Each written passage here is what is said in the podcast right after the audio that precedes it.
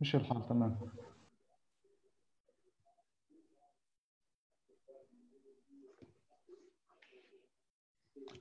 عظيم.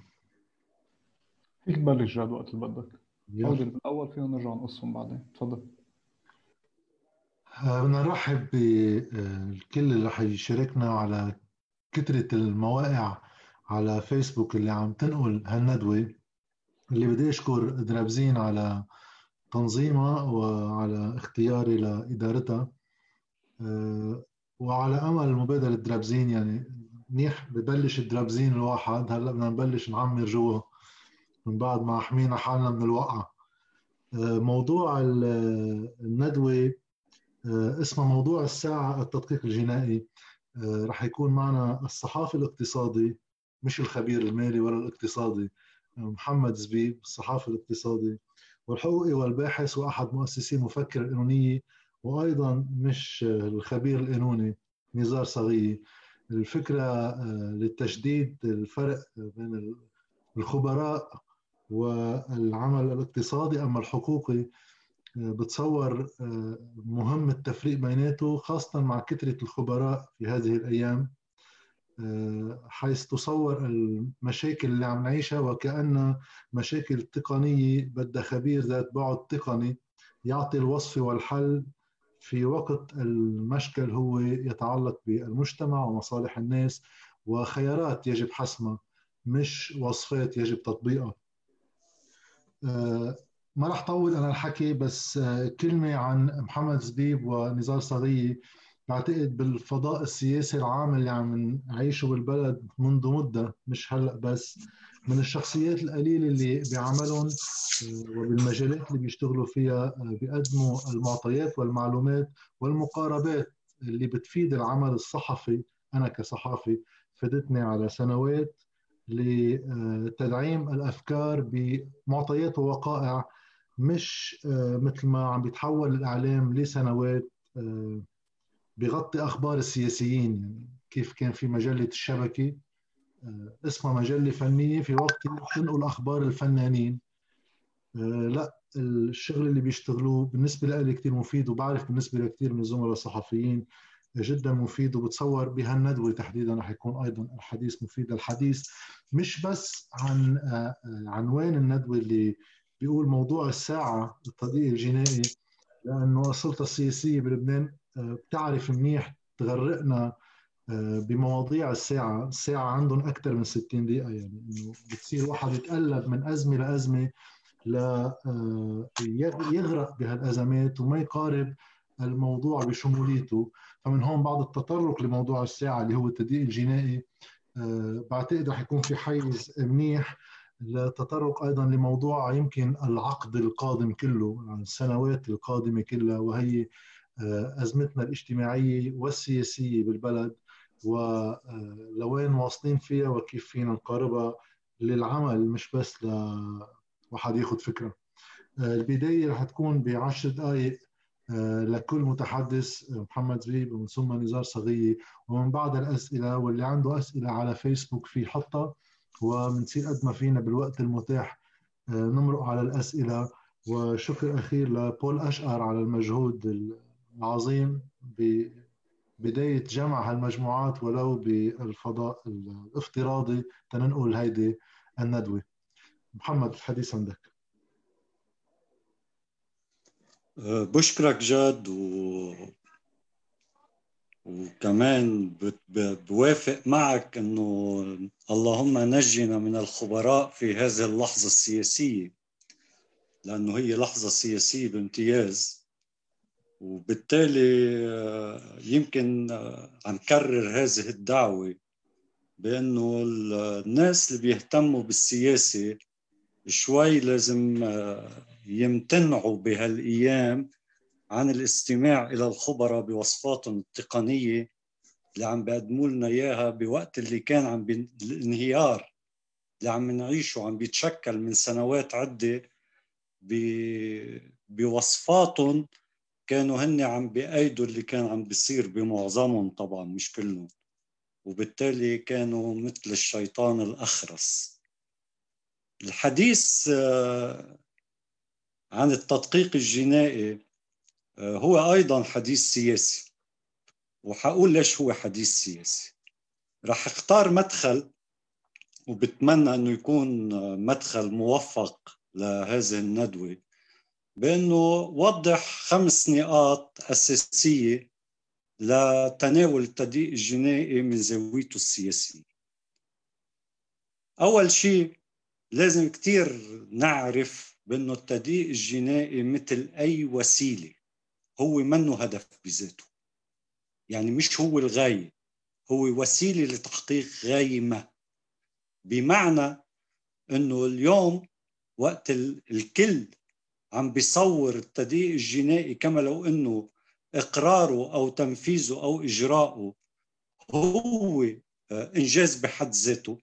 بالواقع برأيي هيدا خداع كامل آه، وهلأ حقول ليش. فبملاحظتي الأولى إنه نحن وعم نتعامل مع التضييق الجنائي بده يكون واضح بالنسبة لنا شو هي الغاية اللي عم نسعى لها وليش بيصير التضييق الجنائي منيح أو مفيد أو عاطل أو مضر. ثانيا آه، النقطة الثانية اللي بدي آه، اعتبرها كمدخل إنه التعاقد مع شركة خاصة أجنبية لإجراء التضييق الجنائي منه الوسيلة الوحيدة. يعني بمعنى إنه إجراء التدقيق الجنائي بحسابات أي كيان في تم بوسائل مختلفة وبالتالي مش الشركة الأجنبية هي الوسيلة الوحيدة. آه، في تم بواسطة القضاء اللبناني طبعا عم نحكي آه، افتراضا إنه القضاء آه، قادر أو بده يلعب هيدا الدور. والأهم بإنه بوضع إذا افترضنا إنه هو وضع طبيعي هيدا التضييق كان ممكن يتم بواسطة الهيئات المعنية المشكلة بموجب القوانين اللبنانية اللي عندها شغلة وحيدة إنه هي تراقب المصارف تراقب مصرف لبنان وفي هيئات تانية شغلتها تراقب وزارة المالية والدولة ومؤسساتها بشكل آه، كامل. طبعا عم بقول آه، هيدا افتراضا لأنه هيدا بالواقع اللي نحن عايشين فيه بنعرف إنه هيدي الهيئات ما عم بتقوم بشغلها اللي منصوص على عليه بالقانون وبالتالي آه، هي تصبح بحكم الأمر الواقع شريكة بكل اللي عم بيصير يا بالمباشر يا من خلال تقاعسها عن القيام بواجباتها والمسألة اللي بتتعلق بالهيئات أو أو الإطار المؤسسي المؤسسي بتمنى أنه نرجع بجولة ثانية نتحدث عنه بالتفصيل. النقطة الثالثة أنه آه، إذا افترضنا أنه رح نختار الوسيلة اللي هي تلزيم شركة خاصة أجنبية بإجراء التدقيق الجنائي. كتير مهم نعرف أنه هيدا منه بديل بأي شكل كان عن المسارات القضائية والإدارية وبالتالي المسارات السياسية. وعشان هيك لازم كتير نتذكر لأنه عندنا نموذج حصل بالعقد اللي أبرمناه قبل ما تنسحب شركة A&M العقد كان بنص مش على تدقيق جنائي كامل وشامل كان بنص على تدقيق مبدئي يعني بإعداد تقرير مبدئي. والمفارقة أنه العقد بيعطي هاي الشركة آه، فقط عشر أسابيع لحتى تنجز مهمة جبارة بهذا الحجم. فعلينا نتخيل آه، شو كان ممكن تكون النتيجة مسبقا في حال آه، نفذ هذا العقد. وليش كانت هذه الشروط. وكمان عم بقول منه بديل عن المسارات السياسية والقضائية والإدارية لأنه حابب أعطي مثال آخر وبس تجاوز العشر دقائق بتمنى اللجان لأنه أنا ما عم ما حاطط الساعة قدامي. آه، بس بدي أذكر بأنه وزارة المالية فريق من وزارة فريق من وزارة المالية آه، أنجز آه، من حوالي سنة ونص سنتين الحسابات النهائية المالية للدولة اللبنانية اللي هو شكل من أشكال التدقيق في حسابات الدولة أو حسابات الموازنة العامة. هيدا الحسابات التي أنجزت نايمة بين مجلس الوزراء ومجلس النواب وديوان المحاسبة.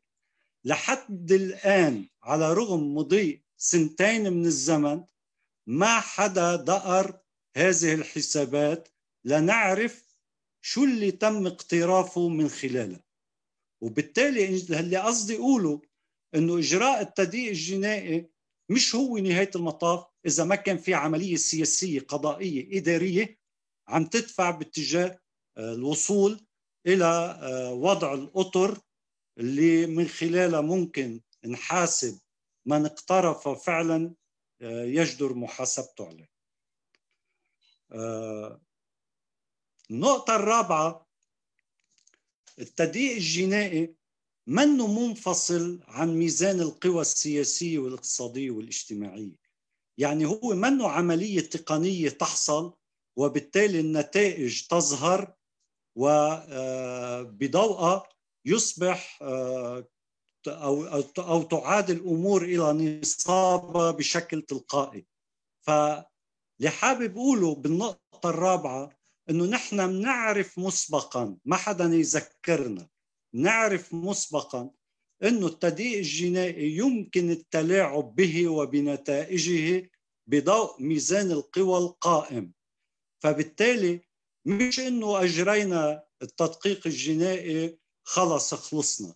وإذا بدنا ناخذ التجربة الماضية فبنعرف إنه التلاعب بهذا التدقيق الجنائي بدأ من اللحظة الأولى لطرحه وصولا لاختيار شركة كرول والتراجع عن هذا الاختيار ثم اختيار شركة اي اند ام وبالتالي بنعرف النتيجة اللي وصلنا لها ما أعطيناها المعلومات رجعنا مددنا لها المهل الوارده بالعقد لمدة ثلاثة أشهر لتطلع هي بيان وتبلغ وتبلغ الدولة اللبنانية بانسحابها على قاعدة إنه هي تبلغت. هيدا وارد ببيانها وما فينا نتجاوزه ونتجاهله.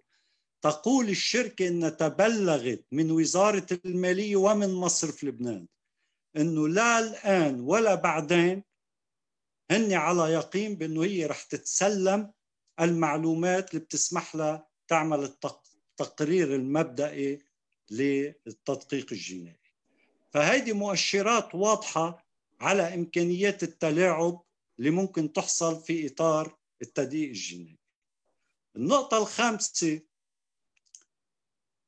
إنه يتم تناول التدقيق الجنائي كما لو إنه شغلة آه، مبهمة آه، هيك ما بنعرف شو هي التدقيق الجنائي يتم استخدامه بغرض محدد. هذا الغرض المحدد هو الكشف عن أدلة في حسابات كيان ما بهاي الحالة اللي نحن عم نحكي عنها كيان الدولة وكيان مصرف لبنان. الكشف عن أدلة على أنه هناك عمليات احتيال حصلت أو مخالفات للقانون أو إثراء غير مشروع أو تبييض أموال أو فساد على اختلافه. وبالتالي يجب استخدام أو, أو وظيفة التدقيق الجنائي تأمين الأدلة لاستخدامها في المحكمة لحتى آه، يتم مقاضاة الذين ارتكبوا هذه الجرائم. من المفارقات إنه العقد إذا أخذناه كمثال اللي تم إلغائه بطبيعة الحال قيد عملية استخدام التقرير المبدئي في القضاء بحيث إنه الشركة اشترطت اولا موافقتها لاستخدام هذا التقرير وهذا ورد في العقد وثم قالت إذا أصرت الجهة اللي هي الدولة اللي لزمتها فهي بتسمح باستخدام التقرير من دون الإشارة لا من قريب ولا من بعيد على انه هيدي الشركة هي أعدته وبالتالي هذا بيعني أنه هي لن تكون آه، بمثابة لا مساعد ولا مستشار ولا شاهد في المحكمة. وبالتالي آه، كان أيضا العقد تضمن أمور أخرى من نوع أنه يحق للشركة أن تغير في مضمون التقرير إذا أصرت الدولة على استخدامه في القضاء. بهالمعنى صاروا على اخر بس تكون بالجو.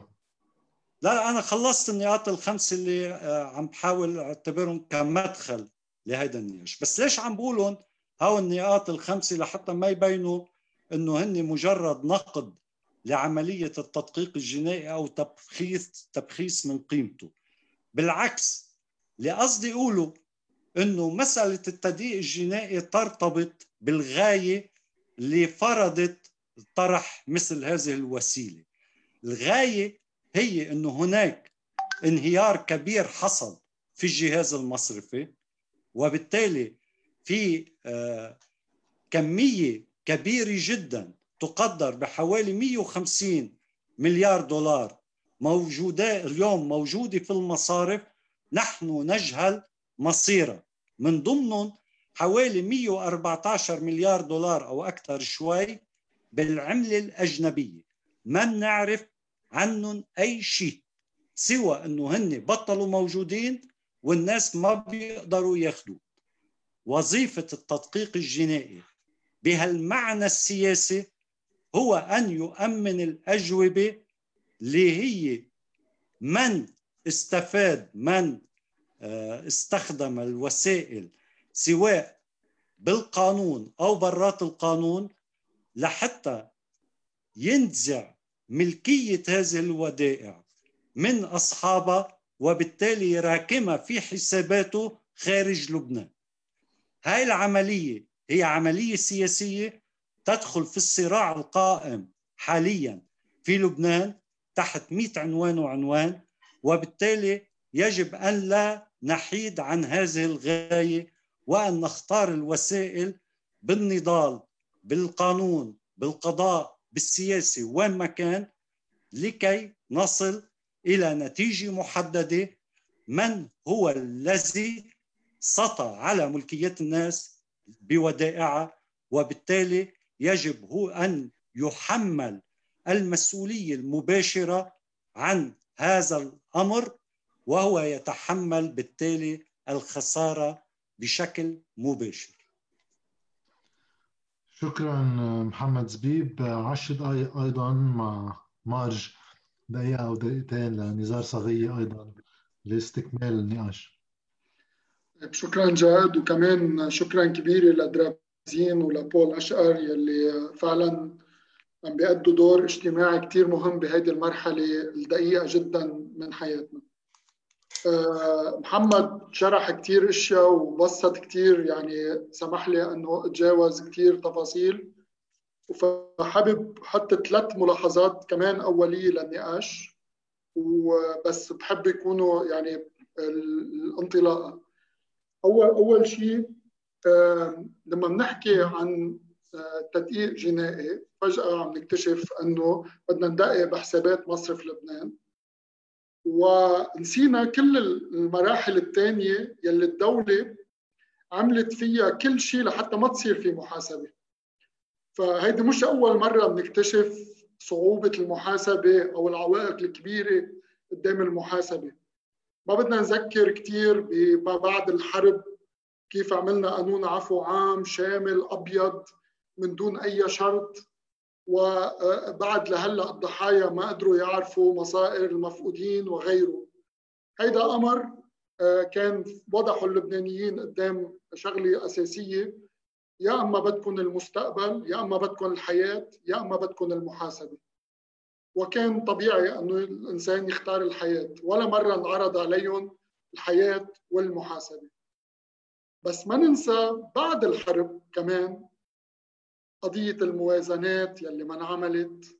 على 12 سنة ما في موازنة بالدولة من 2005 لل 2017 وبالتالي كل المالية تبع الدولة عم يتصرفوا فيها من دون ما يكون في سقوف معينة ما ننسى ال 11 مليار يلي انحكى فيها بالإبراء المستحيل بفترة أربع سنوات من حكم حكومة السنيورة وسنتين من حكومة المئاتي اللي كمان كانت فيها تقريبا 9 مليار. وكيف صار التقاذف بيناتهم. ولما بلشوا بس بدنا نعرف كيف انصرفت ال 11 مليار بيزعل السنيورة وبيعمل آه، محاضرة طويلة عريضة تيقول إنه عم بتلوموني على 11 مليار يلي صرفتها بأربع سنين بينما صرفت حكومة المئات 8 مليار بسنتين.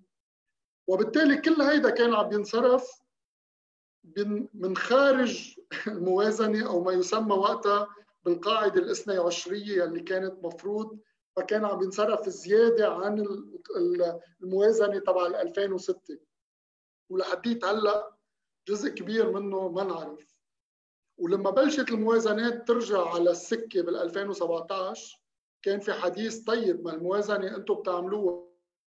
بس شو صرف يعني الموازنة هي مثل مثل مثل برنامج عم بتفرجي شو بدك تصرف للسنة الجاية. بس يمكن تصرف أكثر ممكن تصرف أقل.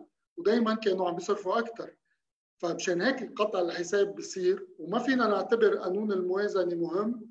إذا ما قطع الحساب انعمل لأنه الموازنة تكون شفافة لازم نكون نعرف إذا فعلا هي حقيقية. مش أنه بس شيء نظري عم بيطلع. وبالتالي نكتشف أنه من سنة 78 تدقيق الجنائي ما صار آه عفوا القطع الحساب ما صار وبالتالي ومن 93 لبعد بعد ما صار تسفير للأرقام يلي قبل الحرب كمان ما كان عم بيصير ابدا وبعده لليوم ما عم بيصير. كذا مره ينطعن بالموازنات قدام المجلس الدستوري على أساس ما في قطع حساب. ويرجع المجلس الدستوري يرد هيدا الطعن ويقول إيه بس الموازنة كثير مهمة للانتظام العام المالي. وهيدا الشيء كثير استثنائي والاستثنائية بتتغلب. وحتى كانوا عم بيقولوا نوقف إنه ما يكون في عندنا موازنات عم نوقف وضع شاذ وإلى آخره. واكيد صار في جدل كثير كبير حولها والمصلحة العليا للبنان. فالمصلحة العليا للبنان صارت إنه نعمل موازنات حتى لو ما في قطع حساب حتى لو ما كنا متأكدين من هيدا الشيء. وبالتالي المصلحة العليا للبنان نطلع للمستقبل ما بحياتنا نطلع على الماضي. هيدا كان عم بينقال تقريبا بنفس الأشياء يلي انحطت بالمجلس الدستوري. وكمان وقتها بالبرلمان كانوا كل ما يطلعوا قانون موازنة يعترفوا أنه عم بيعملوا شيء غلط أنه ما عم بيعملوا قطع حساب وحطوا مهلة لحالهم. ساعة سنة حطوها بال 2017 خلصت السنة وما طلعوا قطع الحساب. رجعوا مرة ثانية بالموازنة تبع 2019 عملوا مهلة جديدة اللي هي ست أشهر وكمان ما طلع قطع الحساب. وبالتالي هيدا بدل كيف البرلمان كل مرة عم جرب يربح وقت بس دائما النيه عدم وجود حسابات دقيقة وعدم وجود أي شيء. فنحن لازم نربط هالشغلتين ببعض يلي حصل بعدم وجود موازنات وبعدم وجود قطع حساب واليوم عدم وجود تدقيق جنائي على حسابات مصرف لبنان هيدول مرتبطين بشكل كتير كبير بين بعض. نفس الفكرة يلي هي فكرة أنه هيدا النظام الأساس تبعه هو اللامحاسبة. هيدا النظام ما بيركب وما بيمشي إلا إذا كان هيدا موجود. هيك بلش من نشأته بعد الحرب وكمل بالسنوات والعقود يلي سادت بعد الحرب ومكمل لليوم رغم الإفلاس يلي صار. فهيدي أول ملاحظة. ثاني ملاحظة بالنسبة لي هي إنه هالانفصام اللي عم نعيشه كل يوم بالخطاب السياسي بين اللامحاسبة المطلقة تقريبا الموجودة يلي عم نشوفها وعم ودائما عم نحكي فيها يلي هي الواقع الحقيقي. ما في أي محاسبة بأي محل. حصانات بعدها كلياتها والسرية بعدها كلياتها وإلى آخره. وبين هالخطاب على مكافحة الفساد يلي كل ماله عم بيتنامى وآخر مسرحية هزلية له لهيدا الخطاب كانت الجلسه يلي صارت بالمجلس النواب ب 27 تشرين الثاني. وقت الكل صاروا مع تدقيق شامل على كل مؤسسات الدولة ونحكى بهذا الإطار. وحتى المعارضين اليوم عم بيقولوا إيه ماشيين بالمسار الصحيح. فشو سر هال هالسكيزوفرينيا بين الواقع وال وال وال وال والخطاب؟ يعني هيدا هيدا شيء كثير مهم نعرفه ونحلله لأنه لأنه صار في مزايدة حتى بين بين الفرق السياسيين بين بعض إنه نحن بالمكافحة.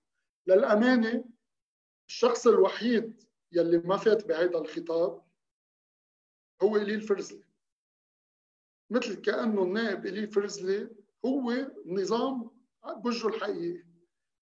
هو اللي شرح لنا أنه السرية المصرفية أهم من أي محاسبة.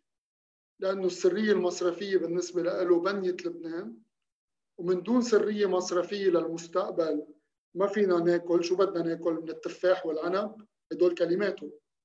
وبالتالي آه، آه، هو الوحيد يلي كان عم بيمجد إلى حد ما بالسرية المصرفية. وعم بحطنا كمان محل مرة جديدة بين إنه المستقبل تبع لبنان بيقتضي إنه ربما ما نفتح أسرارنا بالماضي ما لازم نعرف شو صار إلى آخره. والشغلة الثالثة يلي والملاحظة الثالثة وهي أسرع بكثير هي الملاحظة بين كمان الماضي والمستقبل يلي هي بالسنوات اللي مضيت كان ربما هيدا الحكي بين إنه بدكم أنتم الحياة بدكم المستقبل انسوا الماضي. كان ممكن. اليوم مع الإفلاس الكبير يلي حاصل ومع إمكانية الحصول على تقليعه جديدة أو الموارد لحتى تقلع فيها الحياة الاقتصادية عن جديد. ربما يكون هيدا الخيار غير ممكن. يعني ربما يكون من غير ممكن تخيل مستقبل من دون محاسبة كل الماضي. مثل ما قال محمد بالآخر هالخسائر مش ممكن نتجاوزها من دون ما حدا يعوض عليها؟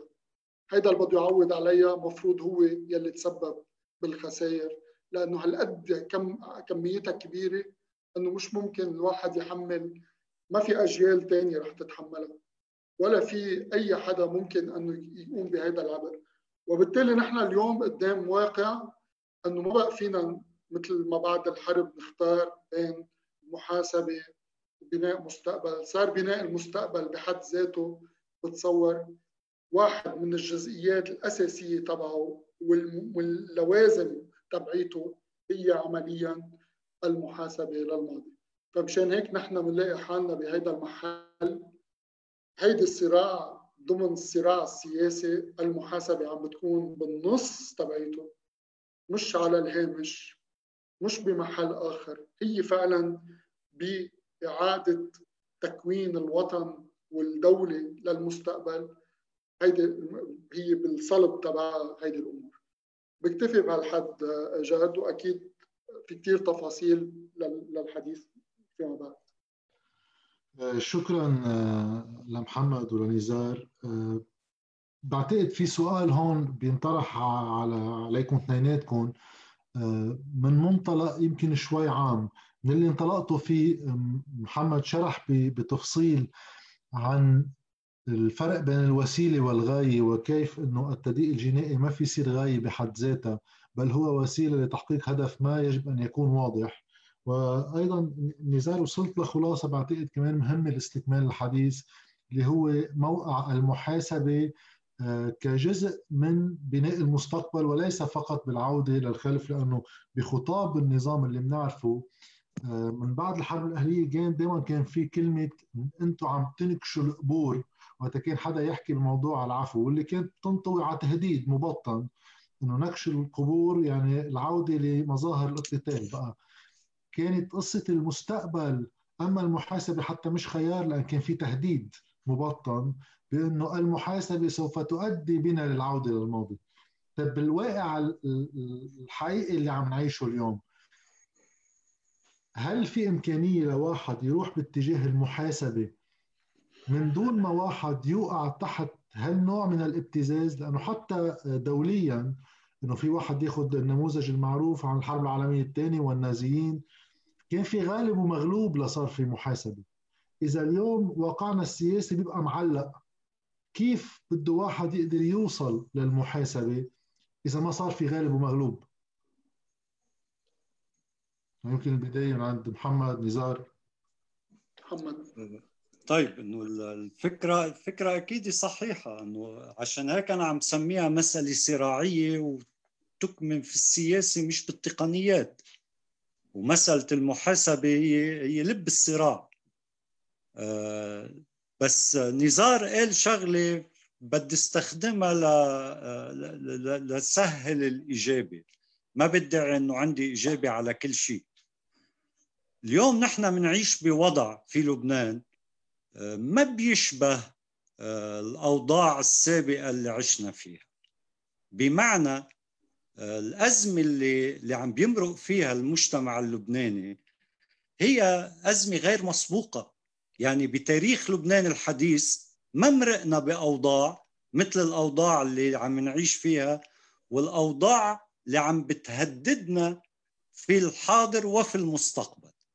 إذا بدنا ناخذ آه، جزئية لأنه عم نحكي عن التضييق الجنائي المسألة أوسع بكثير بتطال كمية هائلة من المخاطر في الاقتصاد وفي المجتمع وفي النظام السياسي وفي الدولة وإلى آخره. ولكن هون عم نحكي عن نقطة محددة حاعتبرها مثال. وقت اللي عم نحكي عن التدقيق الجنائي قلت عم نحكي عن الخسائر. طيب إذا جينا واطلعنا على تقديرات هذه الخسائر. صندوق النقد الدولي كطرف آه، صار معني بشكل مباشر في هذه المسألة اللي عم نحكي عنها بما في المحاسبة والمساءلة. إذا تسنى لنا الوقت بنحكي كيف وليش.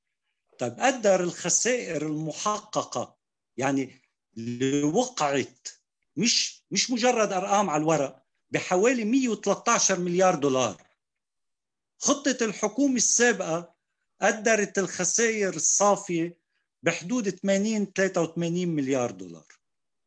طيب عم نحكي عن مسألة بهذه الضخامة. حدا بيقدر بشكل ما يجي يقدم إجابة وإجابة آه، حقيقية. مش إجابة على طريقة جمعية المصارف وإبراهيم كنعان وإليل فرزلة. لا ولا على طريقة إنكار الرياض سلامة. إجابة حقيقية كيف يمكن لهذا النظام السياسي لهذا النظام الاقتصادي لهذا المجتمع لهذا البلد إنه يقلع عن جديد وهو قاعد مثقل بهالكمية الهائلة من الخسائر اللي لواضح تماما مآلاتها لوين بدها توصل. فنحن قدام خيارين برأيي ومش عم بهول على حدا عم بحكي وقائع. برأيي خيارين ما في ثالث لإله يا البؤس وهذا هو المسار اللي أخذين عليه. البؤس الكامل يعني خلينا نطلق الخيال لشو معنى البؤس اللي ممكن نعيش فيه. يا بدنا نعمل إعادة تأسيس بطريقة ما تسمح لهذا المجتمع بأنه يرجع يركلج وضعه ويعيش بطريقة ما. وهم ما عم بقدم وصفة. عم بقول الوقائع بتفرض هذا الشيء. فبالتالي المساءلة بمعناها السياسي هي تماما إنه شو هي الإمكانيات اللي ممكن توفيرها في هذه اللحظة واللي ممكن البناء عليها لبعدين اللي بتسمح لهذا المجتمع إنه ما يوصل إلى البؤس التام إلى البؤس الكامل. فعشان هيك المساءلة بهالمعنى السياسي لا هي مرتبطة بالناس وبقدرتهم على التعبير عن مصالحهم. في هذه اللحظة السياسية في مواجهة من عم بح... كل من يضعهم قدام خيار البؤس. وعشان هيك ما بعتقد هون المساءلة بالمعنى السياسي مفصولة بأي شكل من الأشكال عن التغييرات البنيوية والهيكلية اللي لازم تنعمل بالنظام السياسي وبالنظام الاقتصادي وبطريقة عيش هذا المجتمع. فعم نحكي عن شغلة بهذه الضخامة مش تفصيل صغير مش مثل المسرحيات اللي عم بحضرونا إياها كل الوقت انه مثل كانها شدة وبتزول. لا ما بتزول. هاي النوع من الأزمات كل مجتمع اختبرها يا استخدمها لحتى يرجع يعيد ترتيب نفسه يا أودت به إلى البؤس. ما في خيار ثالث. نزار بناء على الحديث اللي تفضل فيه محمد يعني من آه، المحاسبة والموازين القوى السياسية. جد أنا بلشت بالحديث انه أقول في سكيزوفرينيا بين خطاب المحاسبة منهم وكل الوقت مكافحة فساد وبنعرف بعد الثورة دغري بعد الثورة عقدوا وقتها دعوا لجلسة نيابية وحطوا عليها شي عشر قوانين لمكافحة الفساد وبلشت القوانين على العلاقه باسترداد المال المنهوب ورفع السرية المصرفية وصاروا يتباروا بين بعض وكل وقت يعملوا مؤتمرات صحفية. وأكيد في خوف كثير كبير وأنت عبرت عنه كذا مرة كيف التدقيق الجنائي وهلأ محمد كمان حكى عنه كيف ممكن يتحول لأسلوب لربح الوقت وإلى آخره. طبيعي هن عم بجربوا من خلال هيدا الخطاب يرجعوا يكسبوا وقت يرجعوا يمدوا الإيد البيضاء يحطوا قناع جديد بعد ما سقطت الأقنعة. هيدا قناع جديد اسمه مكافحة فساد. خلص نحن حنتغير أعطونا شوية وقت إضافي. هيدا هو هيدا هو الخطاب الفحوى تبعه. الحقيقة مشان هيك في في في علينا بس مش معناتها إنه نصير ضد المحاسبة لأنه هن عم يحكوا فيها. بس لازم نكون عم نعري كل شيء هن عم بيقولوه ونفضح كل المحلات يلي بيسموها محاسبة وهي بالحقيقة مش محاسبة. نحن بنعرف إنه مثلا قوانين اقتراحات القوانين تقدمت من أكثر من أربع كتل بشان يعملوا رفع السرية المصرفية انتهت بتكريس السرية المصرفية تحت غطاء رفع السرية المصرفية.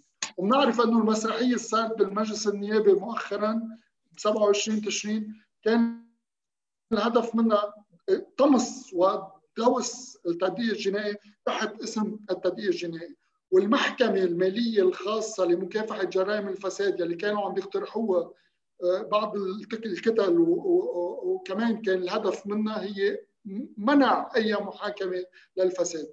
مشان هون هون يعني أنت قدام هيدي السكيزوفرينيا بصير دورك كمان مش كخبير ابدا بس كحقوقي وكاقتصادي وكسياسي إنك تفضح هيدا السكيزوفرينيا اللي عم بعيشوها للشعب لحتى يربحوا ثقتهم لأنه مفروض يكون في شيء إيجابي. أنا بتصور وبرجع بقول المحاسبة اليوم وبأكد يلي قاله محمد قبل شوي هي جزء أساسي من اللعبة السياسية والاجتماعية والحقوقية والاقتصادية. وبطل فينا نعتبرها مثل لوكس نتنازل عنه أو أو من يعني نحن بنعرف إنه مثلا أحيانا كثير بعد أزمات كبيرة بقرر المجتمع إنه يتنازل عن قسم كبير من المحاسبة لحتى يستمر.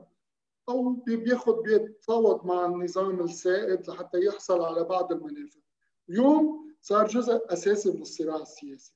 أنت اليوم إذا كنا مسلمين بطبيعة هذا النظام هو لا محاسبه النظام قايم مثل ما الدكتاتورية بتقوم على على الخوف وعلى الترهيب. وما فيها تعيش بلا خوف وترهيب.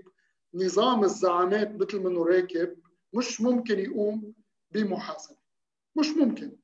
لأنه مش مش طبيعي إنه أنت تقول له أنت بتضلك زعيم شو ما تعمل شو ما إن شاء الله تكون أكبر مجرم إن شاء الله تكون أكبر فاسد بتضلك زعيم وحننتخبك ويكون في حده نظام محاسبه كامل وما في حصانات لحدا وإلى آخره. ما بتركب.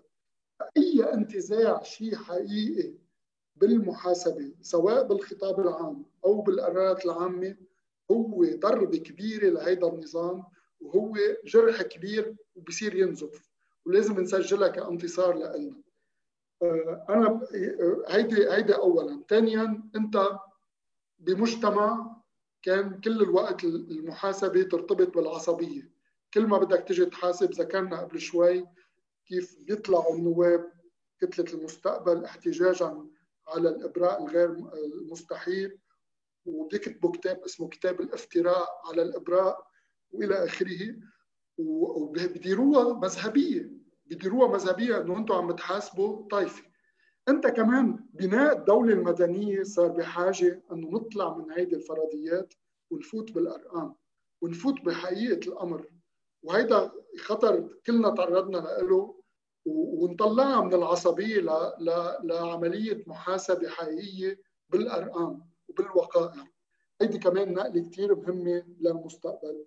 غير إنه نحن فعلا بلبنان اليوم بعد كل هالعقود من من العمر يلي عشناها مثل مثل ما بيقولوا آه، ما ما من من بمعزل عن الشر والخير يعني. ما كان ما كان بحياتنا ما بقى في ثواب وعقاب.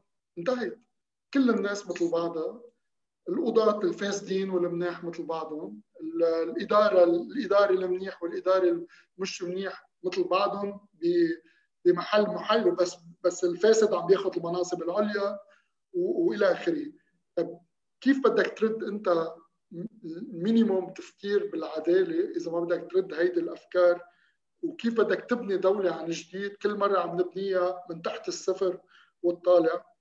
وأخيرا بتصور وهيدي شغلة ما نستهين بأهميتها كمؤسساتيا كثير مهم للإدارات العامة وللقضاء إنه نرجع نفكر ويصير في نقاش دائم وحقيقي على فكرة المحاسبة لحتى يرجعوا يلعبوا وظائفهم بقضاء مستقل وكإدارة محايدة بمعنى انه يرجعوا هن بيمثلوا الدولة ويقوموا بوظائفهم بهالمحل.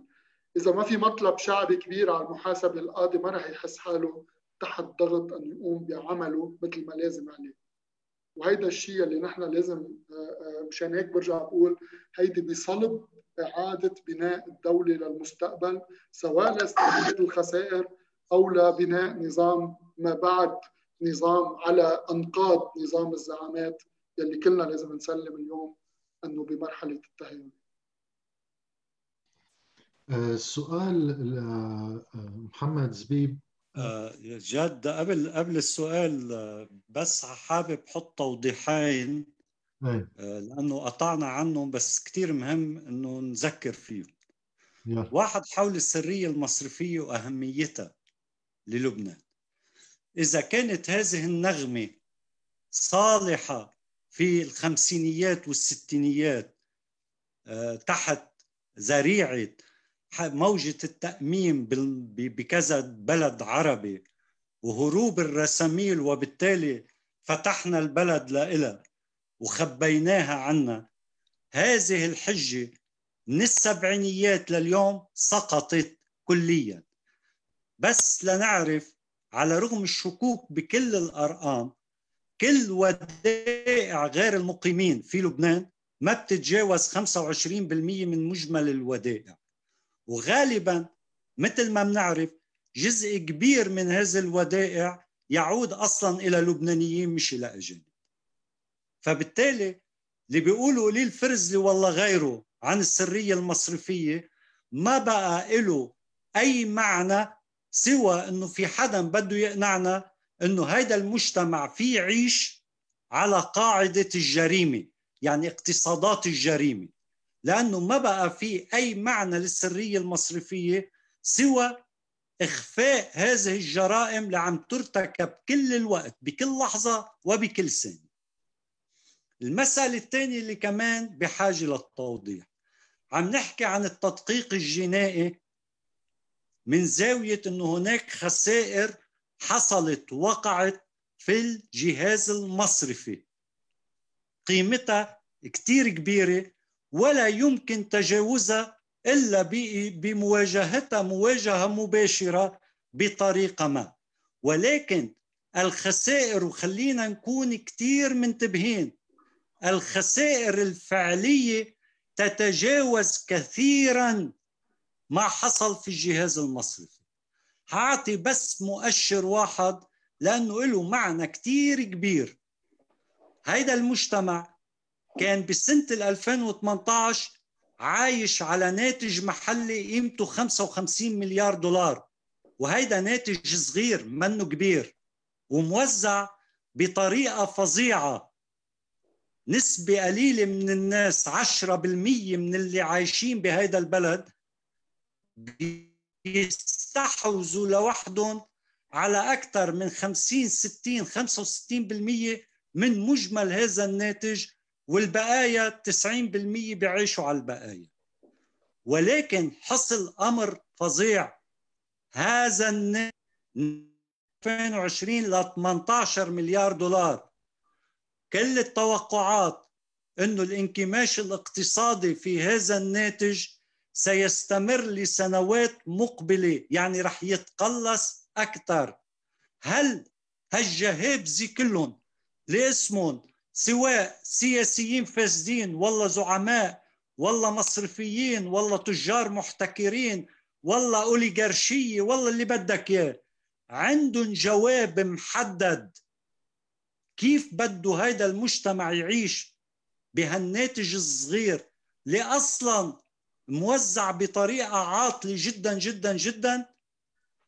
هل يملك البلد إمكانيات ليحافظوا على هذه على هذا السيستم هل يملك البلد إمكانيات لحتى يوفر ولو حد أدنى من الاستقرار الاجتماعي بمعيشة الناس؟ جوابي واضح وعم بقوله من فترة لم يعد هذا البلد يملك أي فوائد اقتصادية تسمح له إنه يعيش لفترة إضافية بالوضع اللي سيء اللي هلا عايشينه. يعني كل يوم بيقطع منعيش وضع أسوأ وعم بيختبروه الناس. هلا عم بيحكوا بالدعم. بكرة ما بعرف شو بدهم يصيروا يحكوا. من شوي من قبل ما كنا عم نحكي عن دعم كنا عم نحكي عن الليرة. قبلها كنا عم نحكي عن الودايع كل يوم بيمرق رح يصطدموا الناس بواقع فظيع بمؤشرات بؤس حقيقية. هيدي منا مزحه هاي مش لعبة. الخسائر ضخمة وتتجاوز الجهاز المصرفي إلى المجتمع ككل. كيف بدهم يواجهوه؟ تفضلوا يقولوا لنا يخبرونا كيف. بشويه بشوية ادعاءات إنه الخارج رح يعمل إنقاذ للبلد. شو هالمزحه هاي؟ أي خارج بده يدفع هالكميه من الأموال اللي بتسمح لهالمجتمع إنه يعيش. أنا هون بدي كفي معك تحديدا. رح أترك رجع على الأسئلة العامة اللي خاصة بالمحاسبة لبعد ما نقطع هول التفاصيل اللي عم تنحكى بالمشهد السياسي اللبناني. أول وحدة ذكرتها قصة الخارج. آه، نتيجة التجربة السياسية بلبنان قطعنا آه، بالطائف اللي الناس بلبنان كلها تقر إنه حل خارجي. ومن ثم بالانهيارات المتتالية اللي صارت 97 okay صار شيء داخلي ولكن 2001 باريس 1 2002 باريس 2 2007 باريس 3 c'est-à-dire ففي صار بالذهنية العامة بالبلد حتى من قبل الناس توقع إنه وهي من الأزمات اللي بكرة في إمكانية بيجي البرا الخارج بينقذنا منها. ليش برأيك منا متاحة؟ حتى ولو لكسب الوقت. لا لمليون سبب. حاعطي ثلاث أسباب بس هن مليون سبب. واحد إنه حجم الحاجة التمويلية لإنقاذنا ارتفع بدرجة هائلة جدا لحتى صار حتى الخارج عاجز عن إنه يأمن هاي الحاجات التمويلية بشكل مجاني. شو بقصد بشكل مجاني؟ اولا في شروط سياسية وثانيا في شروط اقتصادية اثنيناتهم مش متوافرين. مش وحدة متوافرة والثانية لا اثنين مش متوافرين. اليوم اللي بيراقب وضع الاقتصاد العالمي والاقتصاد الإقليمي وأسعار المواد الخام والنفط تحديدا وبيراقب حركة رأس المال عبر الحدود وبيراقب نقص الدولار الموجود في معظم هذا العالم بيعرف تماما إنه الشروط الاقتصادية مش موجودة. اللي بيراقب تراجع الموقع الجيوسياسي للبنان على الأقل من سنة 2011 لليوم بيعرف كمان إنه هيدا البلد بطل بالأهمية اللي كان موجود فيها واللي كنا دائما نتاجر بهذا الموقع لحتى ناخذ شوية مكاسب ونفرط فيها بعمليات الإسراء والتراكم الثروي ورأس المال عند القلة القليلة على حساب المجتمع. فالشروط مش متاحة. المسألة الثانية الخارج اللي عنده استعداد يوفر شوية تمويلات لتقليعة ما. إذا إذا تسنى لنا الوقت بنحكي عن التقليعة هاي. اللي عم بيراهن عليها الخارج أو بده إياه. ولكن حجم التمويل اللي عم بيعرضوا علينا هو حجم كتير محدود. يعني كل هيدي البهلوانيات بالحكي عن 10 و12 و15 و20 مليار دولار رح نجيبهم بسنتين وثلاثة وأربعة من برا. لا يوجد أي دليل على إنه هذا هو الحديث الدائر. بأقصى الحالات بكل التقديرات إذا فتنا ببرنامج لعين مع صندوق النقد لعين لأنه شروطه لعينة. ولأنه شروطه قاسية ومكلفة جدا. عم نحكي على ثلاث سنين بإمكانية 3 مليارات 4 مليارات دولار. وبالتالي صندوق النقد نفسه عم بيقول بدي تدقيق محاسبة مالي لمصرف لبنان وللمصارف تحديدا وللدولة اللبنانية لأنه تدخلي بعملية التمويل بدي أضمن إنه هيدا مش يروح بعملية إطفاء الخسائر ومراكمه ثروات إضافية عند الاستفاد سابقا. صندوق النقد اللي بيهمه بكل هاي العملية إنه تمويله يساهم بشوية توازن في ميزان المدفوعات بغرض إنه صندوق النقد نفسه يضمن إنه القروض اللي بده يقدمها للبلد بالعملة الصعبة قابلة للسداد بيقدر البلد يسدها. فإذا راحت بالفخت الكبير كيف بدك ترجع تسد له لصندوق النقد فما بيعطيك. الفرنساويه آه، يفتح الله يعني ما ما بنعرف شو الوضع. شو بيقدروا يقدموا لك الفرنساويين؟ بيقدروا يقدموا لك هيدي السيرك اللي عم بيعملوه كل الوقت بمبادرة وما حدا سألان عنهم ولا بيرد عليهم ومنصير عم نحكي إنه منشكل الحكومة لا لأنه الرئيس الفرنسي اجى على باله يزور لبنان بعد كم يوم فبالتالي بركي منعجل بالعملية عيب علينا ولو كرامة الضيف الأجنبي. الأمريكان حاطين كل الوقت قائمة طويلة عريضة بالشروط. كرمال شو؟ إنه الأمريكان شي يوم دفعوا ليرة أو دولار يعني بالمعنى المباشر. ما بنعرف شو خبرية الأمريكان. فإذا الرهان عمين على الخلجان على البلدان الخليجية. طيب هيدا مجرد التفكير بالموضوع. اللي اسمه الخارج أنا بتصور إنه إنه إنه هيدي وصفة لتوترات داخلية هائلة جدا بيفرضها ميزان القوى نفسه. فبالتالي المتاجرة المتاجرة بالحاجة التمويلية لنبيع الخارج شيء ما بقى نملكه فعليا. وهذا الشيء كثير لازم ننتبه له. آه، رح أترك النقطة اللي كمان متعلقة بالخارج لنرجع عن نحكي عنها كلمة. آه، آه، بدي تاني نقطة ذكرتها. اسأل نزار. موضوع السرية المصرفية. ذكرت إلي الفرزلي وأنه الصادق الوحيد بالمجلس اللي عبر مباشرة أنه هيدي أهم من كل حديث المحاسبة. ليش اليوم بعد كل الوضع نحن فيه مصارف مفلسة وغير قابلة لاستقدام أي ودائع بعد اليوم تعتبر من أركان النظام السياسي اللبناني القائم أنه وحدة من هذه الأركان. السرية المصرفية على رغم كل شيء تبقى وممنوع المس فيها.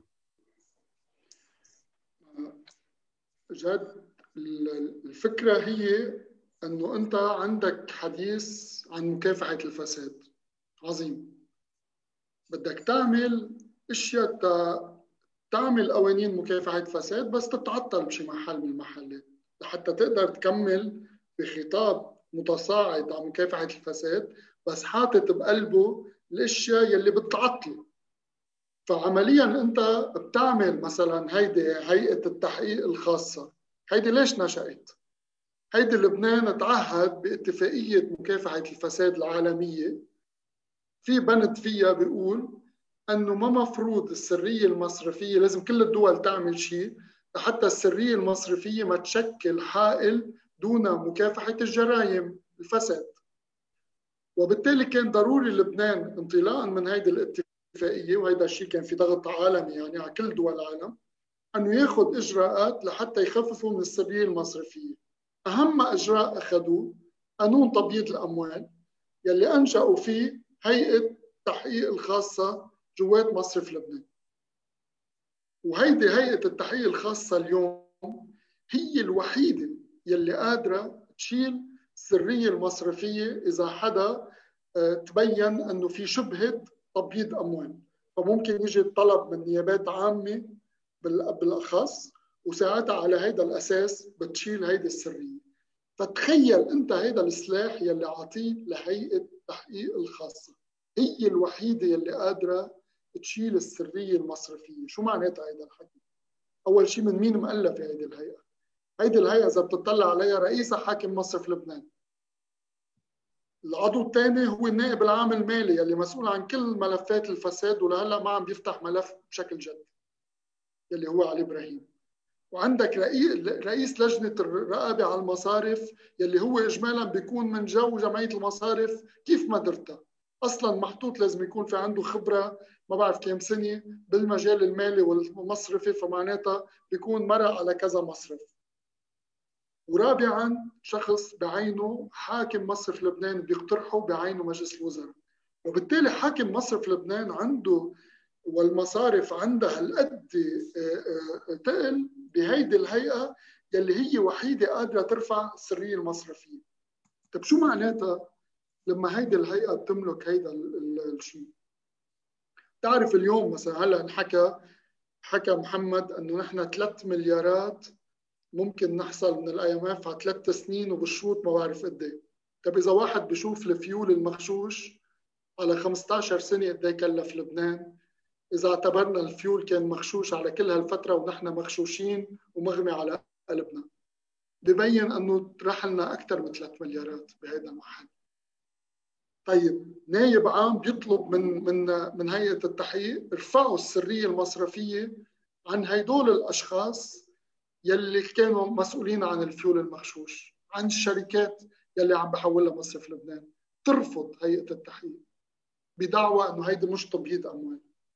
طب معقول هالشيء بيرجع بعدين كل الناس اللي حولوا لبرا بعد 2000 بعد 17 تشرين ثروات تحولت بالواقع. المودع ما كان عم يقدر يسحب 100 دولار.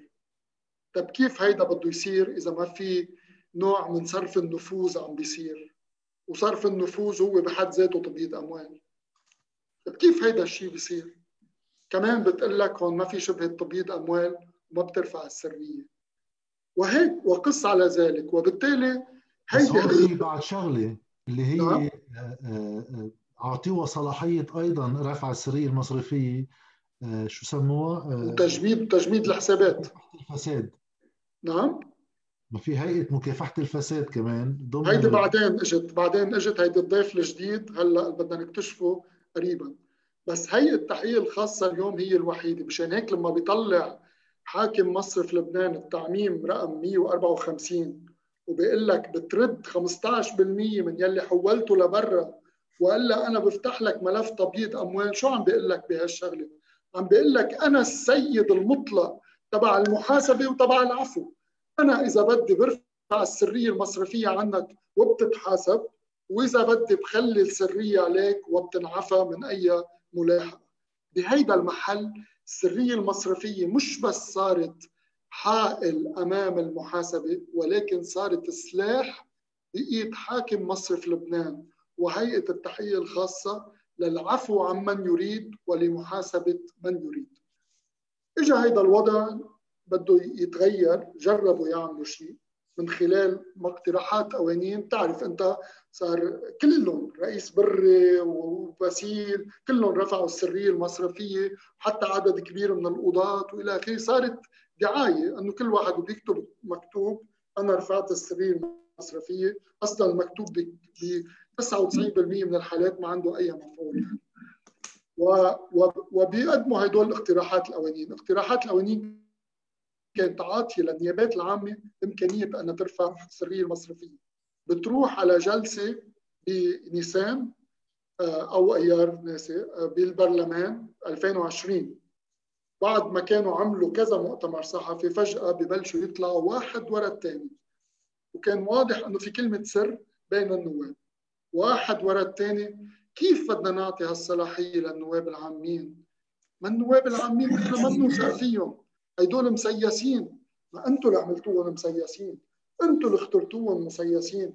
وبصير كل هيدا الحديث على هيدا الموضوع وبالآخر بحجه عدم الثقة بالقضاء. يعني إذا مواطن عادي عم بيقول ما عندي ثقة بالقضاء بتفهم. بس لما الياسرين بيقولوا ما عندي ثقة بالقضاء معناتها في هون نوع من الباطنية الواضحة والكذب.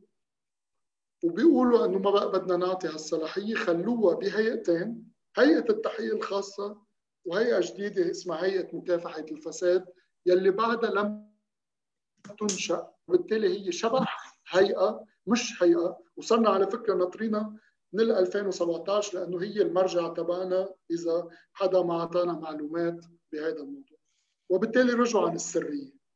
لما لما طلعت الحجة من مصرف لبنان إنه نحن ما بنقدر نعطيكم معلومات لأنه في سرية مصرفية نفهم الفيلم ساعتها ما تغير القانون لحتى يضل بإيدهم المحاسبة والعفو كسلاح يستعملوا يستعملوا السلطة ساعة اللي بدها من دون تمكين أي حدا.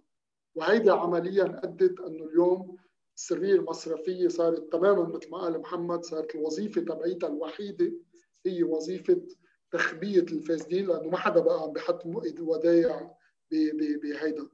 فخلافا لكل النواب يلي كانوا عم بيقولوا خلص ما لازم حدا يتزرع بالسرية وهيدا اللي قالوه بالمجلس النيابي. إلين فرزلي الوحيد يلي عمل خطبة مرتبة جدا يعني مثل مثل ما بسموها rhetoric rhetoric وصفة rhetoric عجيبة. تيخبرنا إنه ما فينا نرفع السريه المصرفية لأنه في التزام منا تجاه كل الناس اللي هربوا مصاريهم لهون. إذا رفعنا السرية يمكن يتعرضوا لملاحقات ببلادهم. وبعدين مشان المستقبل العنب والتفاح ما راح يكفونا فنحن مضطرين نعمل سرية مصرفية. فكان عم بيعطيك فعلا الخيار يلي راحوا عليه بشكل كثير واضح عدم رفع السرية المصرفية. أكيد اليوم هي من شروط البنك الدولي. واضح هيدا بالريبورت اللي انعمل مؤخرا إنه على المدى المتوسط حاطط غير استقلال القضاء هو رفع السريه المصرفية وهذا تحدي كبير حقيقه رح يكون بالفترة الجاية. بس واضح إنه اللعبة انلعبت على هذا الاساس سؤال اعتراضي بس نزار آه، آه، كنتوا قدمتوا يمكن بال 2018 مع تسع نواب وقعوا عليه آه، اقتراح قانون لتحقيق استقلالية القضاء. وكنتوا اشتغلتوا عليه حوالي ثلاث سنين لإعطاء استقلالية هيك. ستراكتشرال يعني للقضاء اللبناني راحت على لجنة الاداره والعدل وأنا كنت عم غطي بوقتها المؤتمر اللي تعهد فيه رئيس اللجنة جورج عدوان بوقتها إنه سنة 2019 آه، رح يتكلل بإنه تصير عنوانها عن آه، سنة استقلالية القضاء. وإذ بعد اليوم باللجان شو صار فيه هذا القانون؟ وهل فوتناه على المكنة أيضا اللي ما بنعرف كيف بده يطلع منه؟ عظيم هلا عندك حكينا على السرية المصرفية اللي هي حائل. أكيد الحصانات الوزارية وهلا عم تعمل لعبة بشكل فظيع بقضية المرفق وعم نعرف هلا كيف دغري السقف تبع المحاسبة نزل على المدير العام وما دون بس ما حدا بيطالب الوزراء. والشيء الثالث هو استقلال القضاء بطبيعة الحال لأنه مين بده يحاسب بالآخر؟ يعني حتى إذا انعمل تدقيق جنائي ما كان عم بيقول محمد هيدي وسيلة الغايه بالاخر توصل على القضاء وتطلع أحكام وتسترد المال. وبالتالي مين بده يعمل هيدا الشيء؟ القضاء المستقل. ف آه، النواب كل الوقت كل الوقت يحكوا بين بعضهم. ما بعرف كيف عندهم كيف عندهم الإمكانية إنهم يحكوا هالشيء بين بعض. إنه القضاء كيف بدنا نعمل له استقلالية؟ هو فاسد هو تابع. ما أنتم اللي عملتوه تابع. ما هيدا الشيء اللي بيخلي بيخلي الموضوع إنه غير يعني صار هزلي على الآخر فكل الوقت بيطرحوا على حالهم مسألة لا لا لازم نأيد الاستقلالية. فنحن المشروع قدمناه بأواخر 2018 بأيلول 2018 احتجنا لثورة لحتى انه الثورة تقول واحد من أول مطالبنا هي استقلال القضاء لحتى يقبل يحطوا على جدول الأعمال تبع لجنة الإدارة والعدل.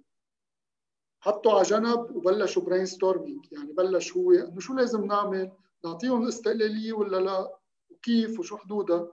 صار مارق سنة من لما نحط على جدول الأعمال. حط ب 2 ديسمبر يوم صرنا 7 آه، 8 وبالتالي بعده لهلأ ما في شيء مبتوت.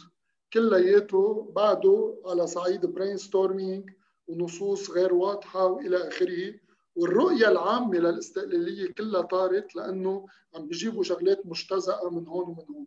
وبالتالي هذا كمان تحدي كثير كبير.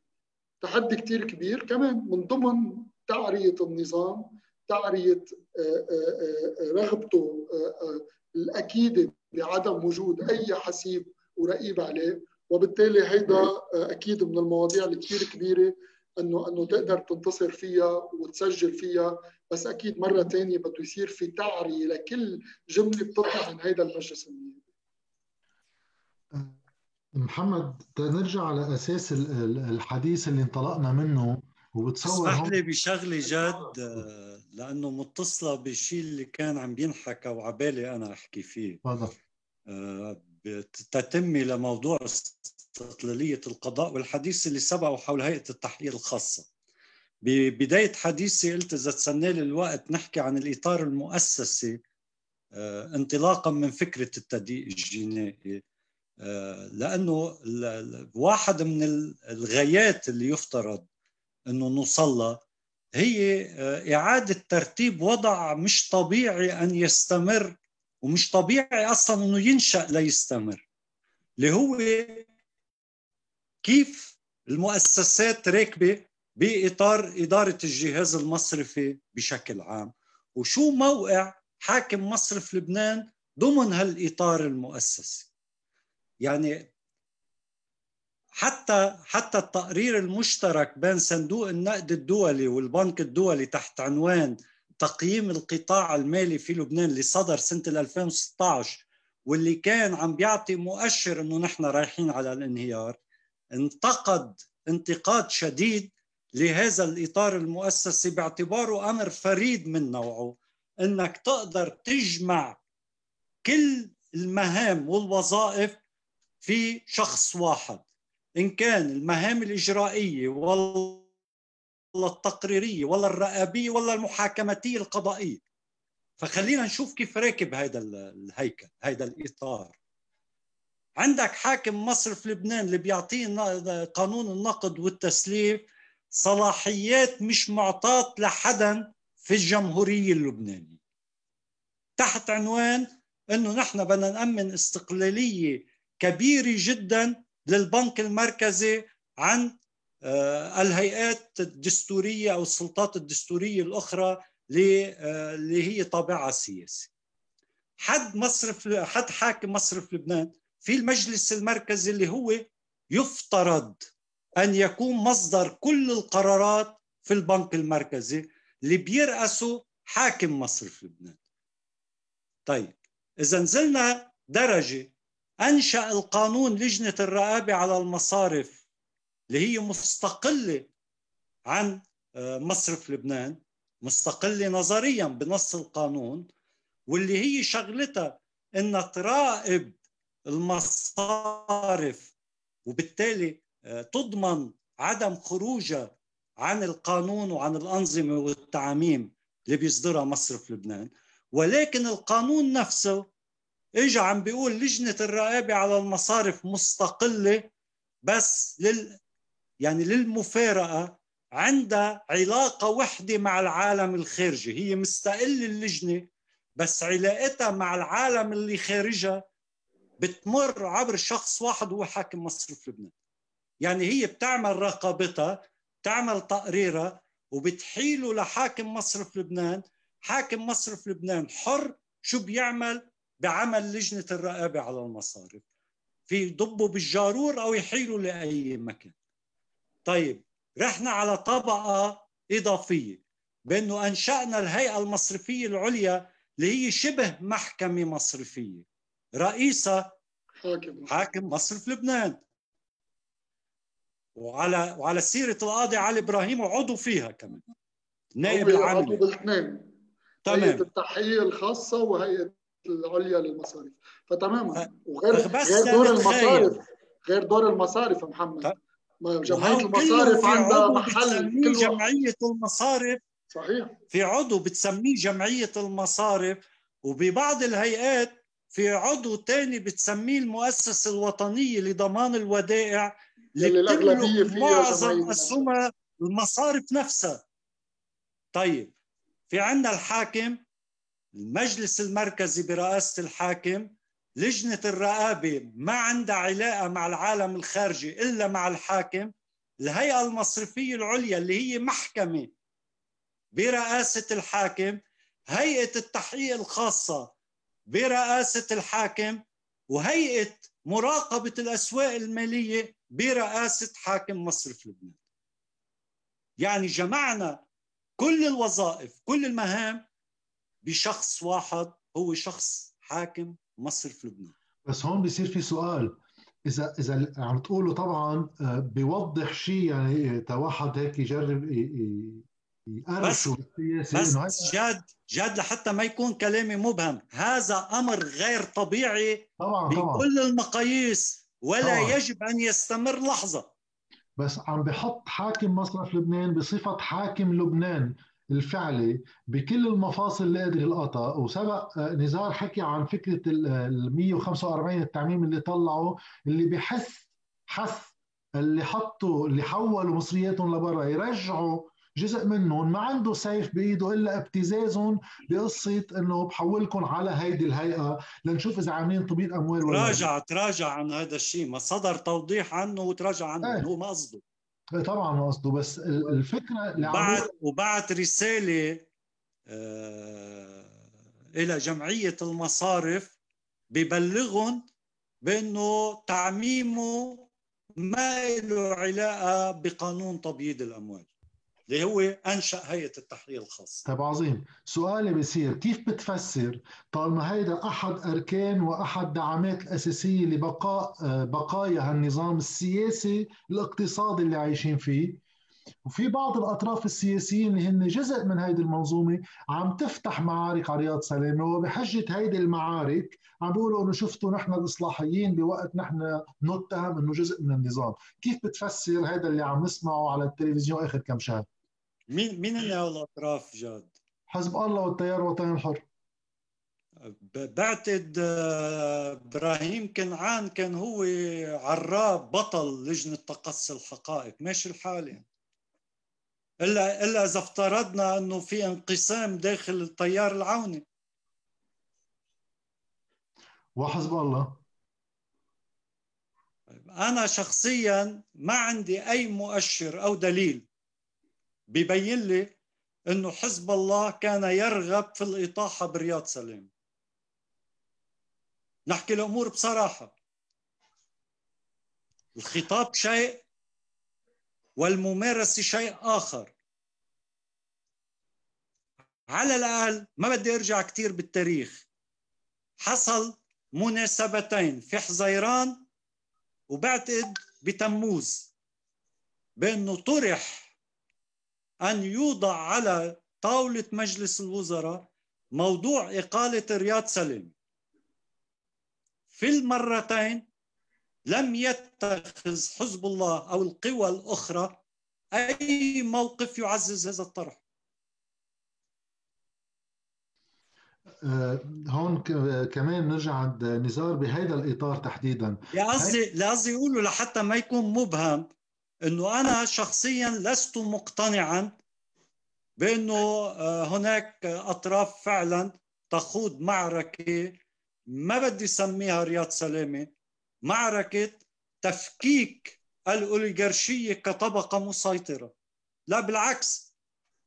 حزب الله والتيار العوني وحركة أمل وتيار المستقبل أعلنوا بكل الأشكال دفاع المستميت عن هذا النظام. وبالتالي اعتبار إنه رياض سلامي خارج عن النظام هيدي نكتة كبيرة يعني معلش ما ب... ما ما بتنطلع على حدا. وخليني أقول كمان بالإطار المؤسسي اللي بيعزز اللي عم بقوله.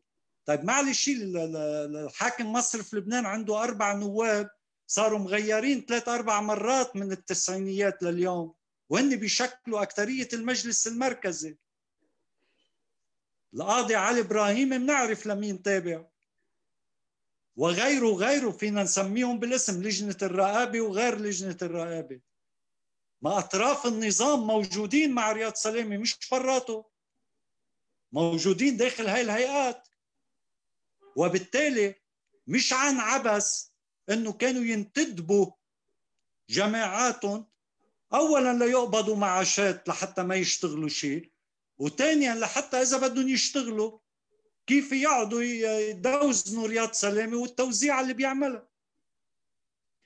أنا هون بدي أرجع لعند نزار آه، كمان على نفس السؤال. هل تتفق مع آه، آه، اللي قاله محمد بأنه ما في كتير نيانس ما في كتير فروقات بين أطراف السلطة بين حدا أكثر عدائية تجاه رياض سليم؟ أما السياسة المالية المعتمدة من المصرف المركزي أما لا ما في. وفينا نفوت فيها كمان اللي صار الموضوع التدقيق الجنائي في هول الموضوعين اللي بيحاولوا يميزوا حالهم فيهم اللي هي إنه هن على خلاف مع رياض سلامة وأيضا إنه هن طالبوا بالتدقيق الجنائي بمصرف لبنان. ولا هذا الشيء مش متاح. وضمن هذا السؤال سؤال هيك تفصيلي آه، بالجلستين اللي حكى عنهم محمد المجلس وزراء اللي طرح فيهم موضوع الإقالة آه، هل صحيح ما تناولوا البعض إنه آه، الإخلال أما الخطأ الفادح آه، اللي إذا ارتكبوا حاكم مصرف لبنان بعرضه للإقالة غير متاح فما بنقدر نقيله ولا هو متاح. تمام. هلأ آه، أول شيء أكيد نحن صرنا معودين تقريبا آه، كل مرة واحد بيلعب دور البطل بيعمل دور البطل إنه هو عم يحمي شيء معين.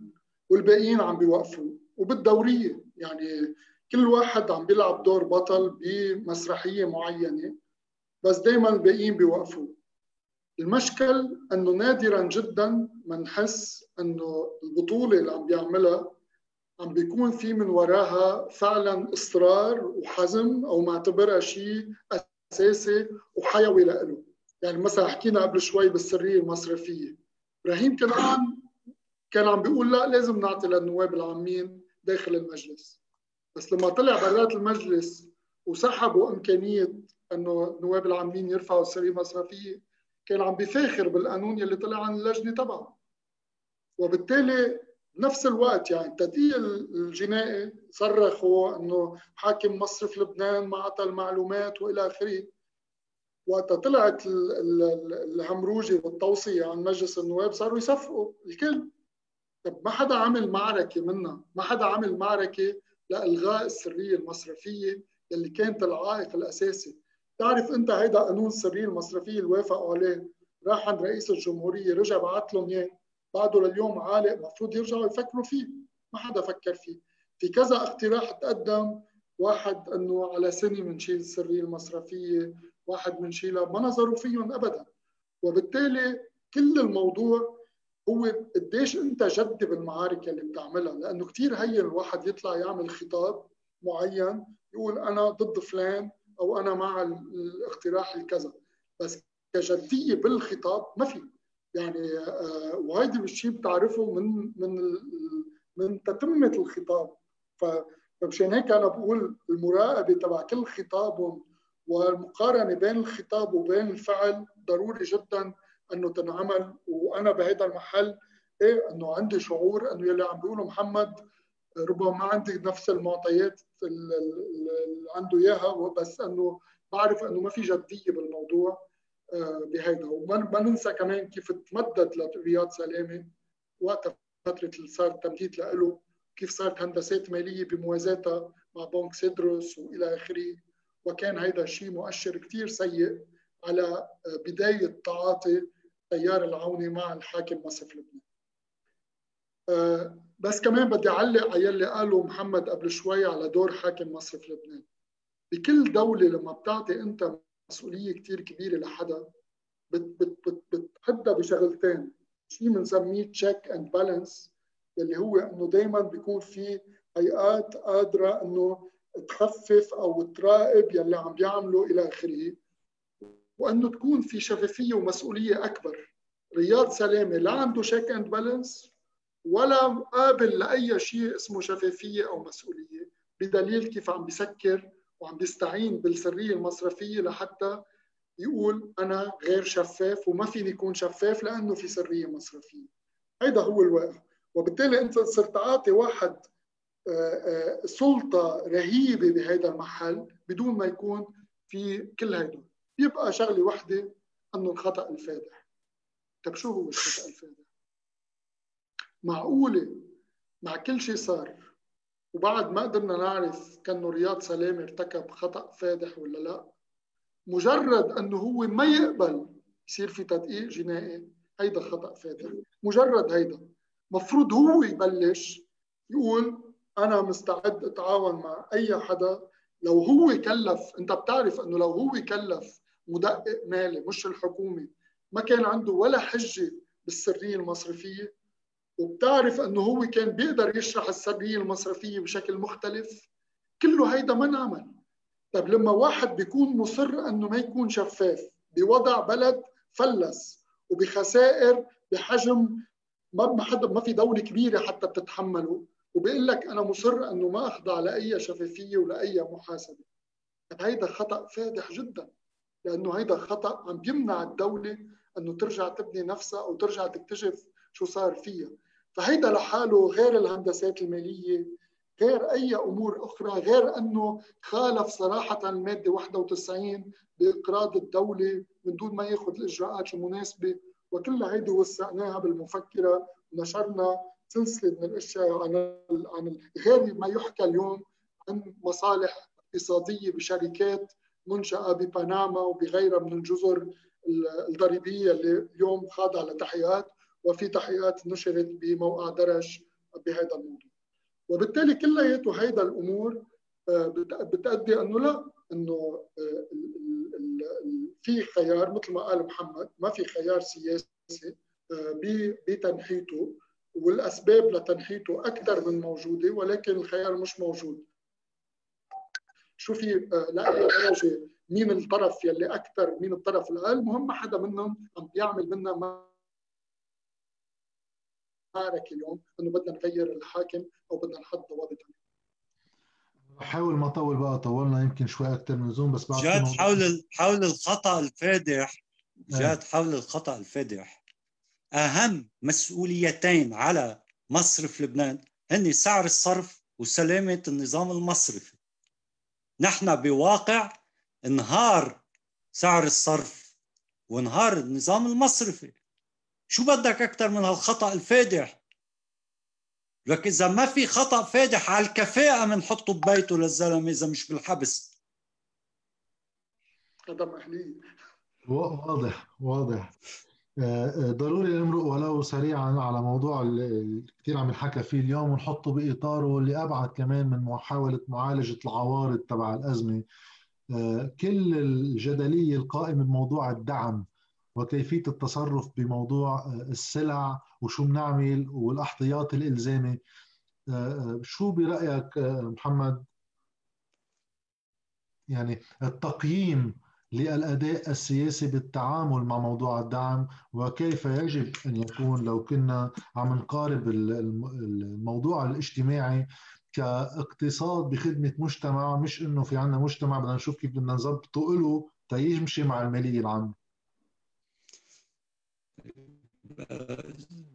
بسياق حديثي قلت إنه أنا أعتقد إنه ما عندهم أي جواب يقدموه للناس بما في مسألة الدعم وغير الدعم. ولكن خلينا نشرح شوي مسألة الدعم شو هي لأنه استخدام كلمة الدعم بسياق هذا الحديث الجاري اليوم تحت عنوان الدعم هو حديث زائف. مصرف لبنان والدولة اللبنانية متمسكة بشيء وهمي اسمه سعر الصرف الثابت. اللي قيمته ليرة الدولار يساوي 1507.50 وسطيا مش هيك؟ اللي عم نتحدث عنه هو شو وظيفة هيدا السعر الصرف اللي متمسكين فيه؟ له وظائف محددة من جملة وظائفه هي بأي سعر بنستورد أغراض من برا ومنبيعها جوا. طيب إذا أزلنا كل وظائف الاجتماعية لسعر الصرف. شو بيبقى من سعر الصرف؟ المعاملات اللي بتجري بين مصرف لبنان والمصارف ليقرطوا العالم؟ هيدا هو. اليوم يتفضل مصرف لبنان يقلنا شو هو سعر الصرف للليرة اللبنانية؟ وبالتالي نقعد نبني كل حساباتنا على هيدا الأساس. لأنه وقت اللي بيجي بيقول إنه نحن نستورد كل شيء بسعر معين لنفترض 5000 آه، ليرة أو اللي هي. طيب هذا بيستدعي إنه نصحح كل حسابات الأجور وكل حسابات المداخيل واللي بدك إياه. يعني بنعمل إجراءات سياسية لنعيد التوازن للحسابات. بينما النقاش اليوم وين رايح؟ اولا إنه هيدا دعم. ومزبوط إذا هو دعم هو مسؤولية الحكومة مش مسؤولية مصرف لبنان. ثانيا إنه آه، بكلف 500 مليون دولار بالشهر وإنه ال 17.1 احتياط توظيفات إلزامية هودي ودايع الناس. طيب خلينا نفكفك اللغز. اولا ما بنعرف قديش عنده مصرف لبنان خلينا نضلنا نذكر العالم. باللي قالوا نزار حول عدم الشفافية المطلقة. نحن بعد سنة وأكثر على بداية الانهيار المصرفي والنقدي والاقتصادي بعد في سر دفين ما بنعرف شو هي الاحتياطات بالعملة الصعبة اللي بنقدر نستخدمها بعملية حماية هالمجتمع وتأمين إمكانية خروجه من هذا الانهيار.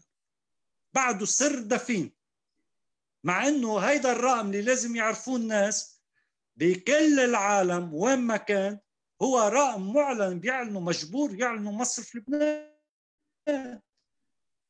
لأنه كل الناس يفترض يعرفوا تماما شو في احتياطات بالعملة الصعبة بالبلد. فكيف ببلد معظم استهلاكه بالاستيراد؟ يعني معيشة الناس مرتبطة بهالاحتياطات اثنين هل فعلا بعدهم موجودين التوظيفات الإلزامية اللي هن بيشكلوا 15% من الودائع؟ طيب بآخر تصريحات لحاكم مصرف لبنان أو اللي سربت عن المجلس المركزي واللي انقالت باللجان المشتركة بمجلس النواب.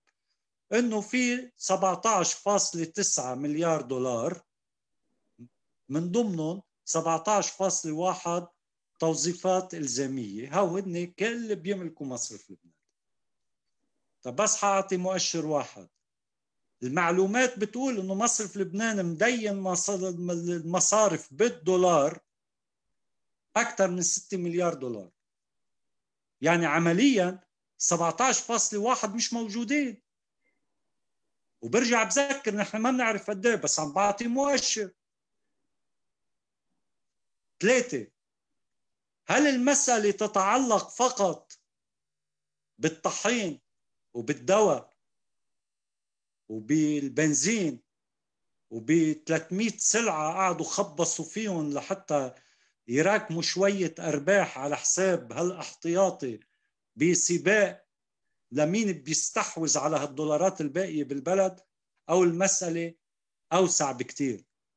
لما عم بقول ما عندهم أجوبة لأنه الأجوبة اللي مرتبطة بمسألة الدعم تحديدا هي طيب واحد كيف بأمن صحة الناس؟ بالدعم وبغير الدعم.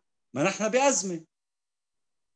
هل حدا مفكر بالتعليم لوين رايحين؟ 65% من الطلاب اللبنانية بيتعلموا بالقطاع الخاص. لما ببلش الترجمة الفعلية لسعر الصرف الفعلي بالسوق عندنا تصور لكلفة التعليم شو بدها تكون؟ السكن. طيب الناس بتصبر سنة وسنتين بدون سكن وبعدين؟ وين بيسكنوا العالم وكيف؟ نعطي مليون مثال. فإذا نحن ما عم نحكي مثل ما عم بيستدرجوا الناس على مسألة خبز وبنزين ودواء بس. عم نحكي عن أزمة شاملة. هاي الأزمة الشاملة بدها أجوبة. شو هو سعر الصرف؟ لأنه ما فينا نبقى بأسعار الصرف المتعددة والمتفاوتة بطريقة رهيبة. من ال 1005 ل 8500 اختار السعر اللي بدك إياه. رح يصير لكل حساب بالبنك ولكل سلعة ولكل خدمة سعر الخاص. شو هو سعر الصرف؟ الموحد اللي بنبني عليه كل الحسابات. إمتى رح نفتح مسألة الأجور وكيف بدنا نحل مشكلة الاقتصاد وتوفير فرص العمل وكيف بدنا نأمن الحماية الاجتماعية للناس. هذا هو الحديث. ما يقبل الناس على استدراجهم إنه ربطة الخبز هي العنوان كله. لا مش هي العنوان كله.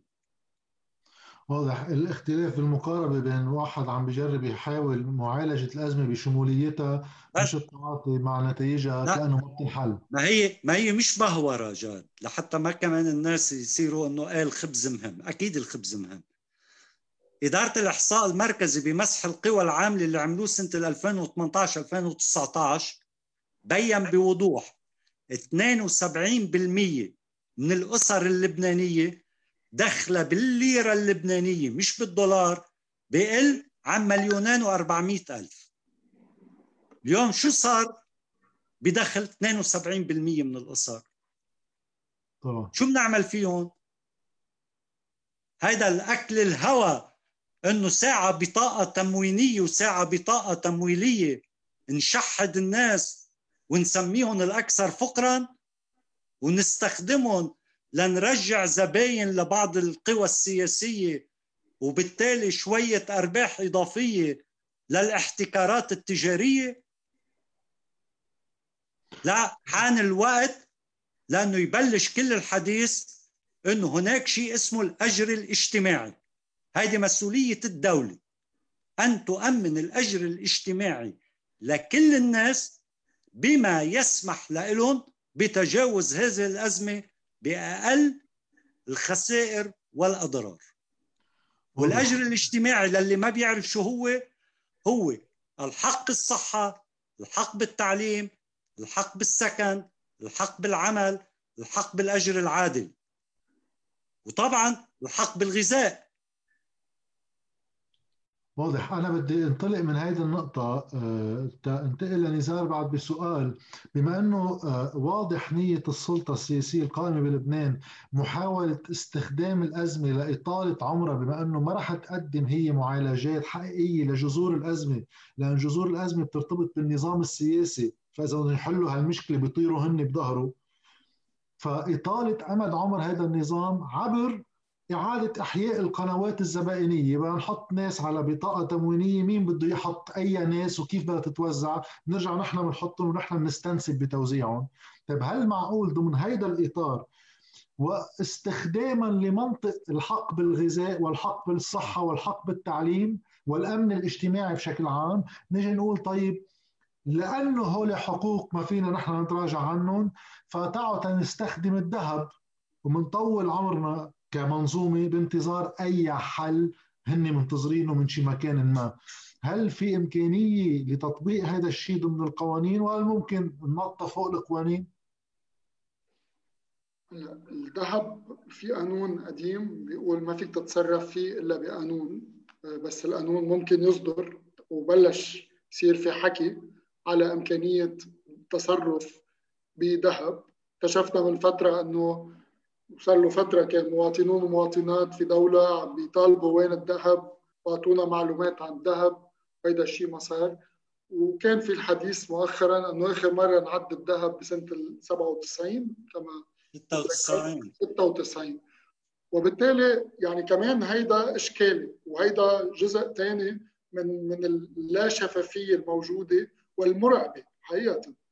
وبالتالي هلأ آه، كل كل يوم عم بيمر رح رح يزيد هيدا الحديث عن إمكانية الدعم وحيزيد الشعور بالعجز عن تقديم مزيد من الدعم آه، شوي شوي. آه، وأكيد تصرف بالذهب يعني بيعني كثير أشياء يعني بيعني الدائنين رح يجنوا مش بس يعني ما تنسى أنت في عندك دائنين اليوم بطلت عم تدفع وبالتالي هيدي عم تتراكم عليك هلا مبسوطين نحن لاول مرة بتاريخ لبنان. ما عم نخدم الدين الدين العام بس مش معناتها راحوا الدائنين مش معناتها مش ممكن إنهم يعملوا حجوزات.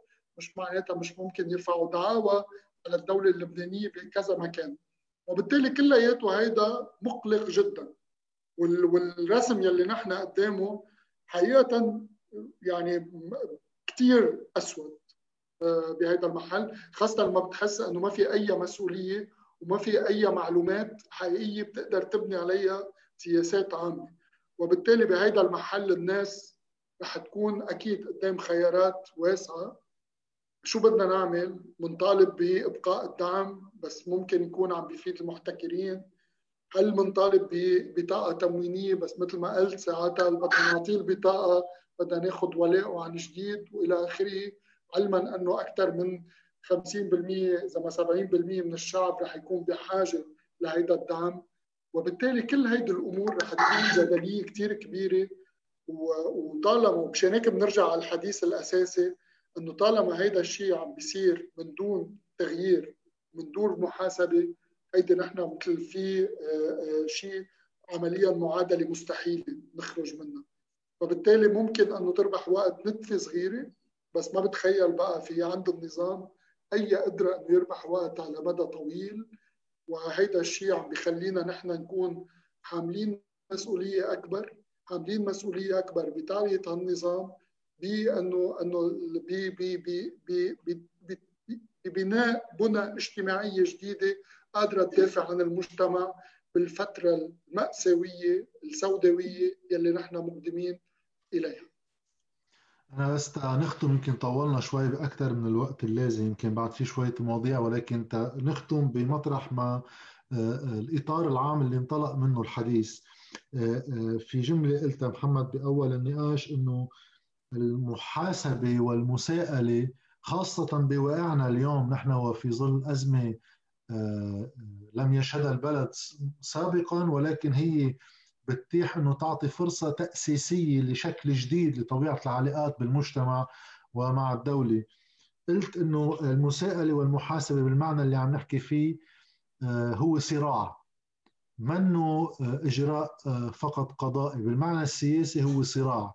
فإذا عم نحط عنوان إطار عام إنه المكان اللي وصلنا له نحن يتطلب تغيير جذري بكل العلاقات السياسية والقانونية القائمة بين الدولة كمنظومة لتعبر عن المجتمع كمصالح حقيقية. آه، في في مشكل يمكن قد يكون بهذا الصراع علاقته بالوقت لأن نحن بهذه الأزمة الوقت هو خسارة آه، خسارة بالمعنى المادي المالي وخسارة بالمعنى المادي الاجتماعي أيضا بناس عم بتفل من البلد وبقدرات عم يفقدها البلد. المجموعات اللي اليوم معترضة المعارضة الحقيقية القائمة يمكن برات المؤسسات الرسمية بالدولة اليوم. شو بتعمل لهيدا الصراع؟ تقدر هي تعبر عنه وتكون فعالة فيه لإنتاج تغيير؟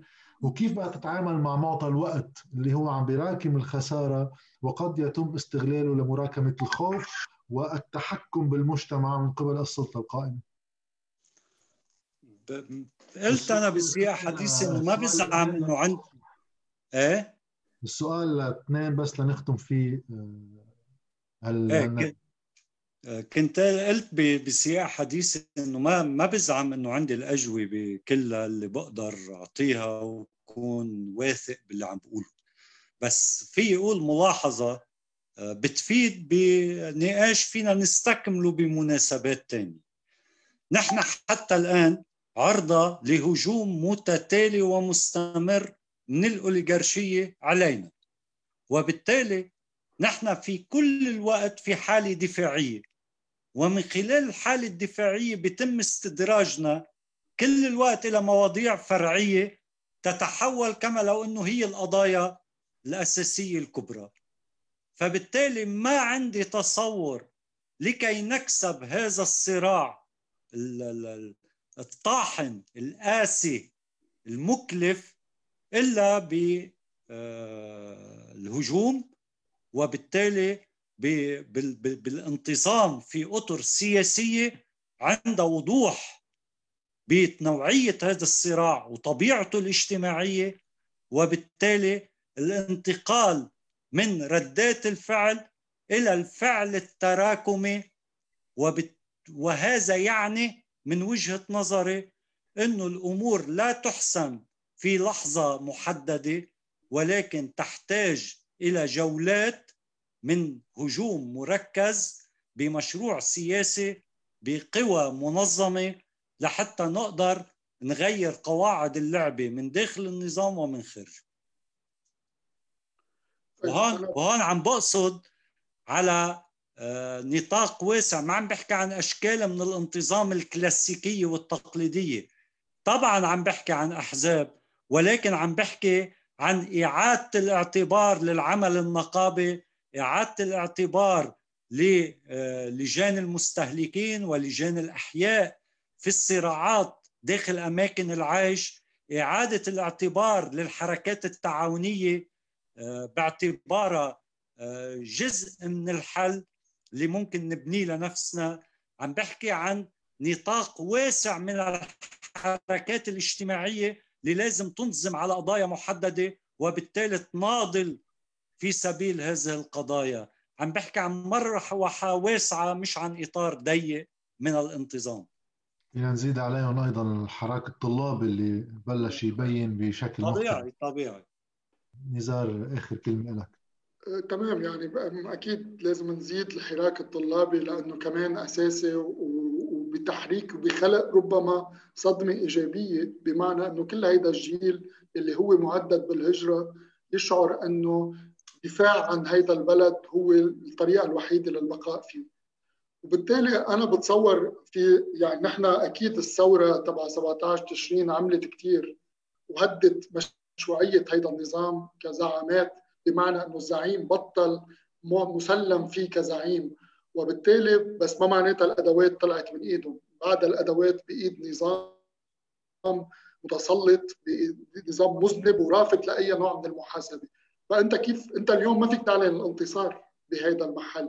بس أنت فيك تعلن حالك أنك بحالة آه، بقدام نظام عم بيتهاوى ولازم تخلق البنى الاجتماعيه لتاخذ البديل محله.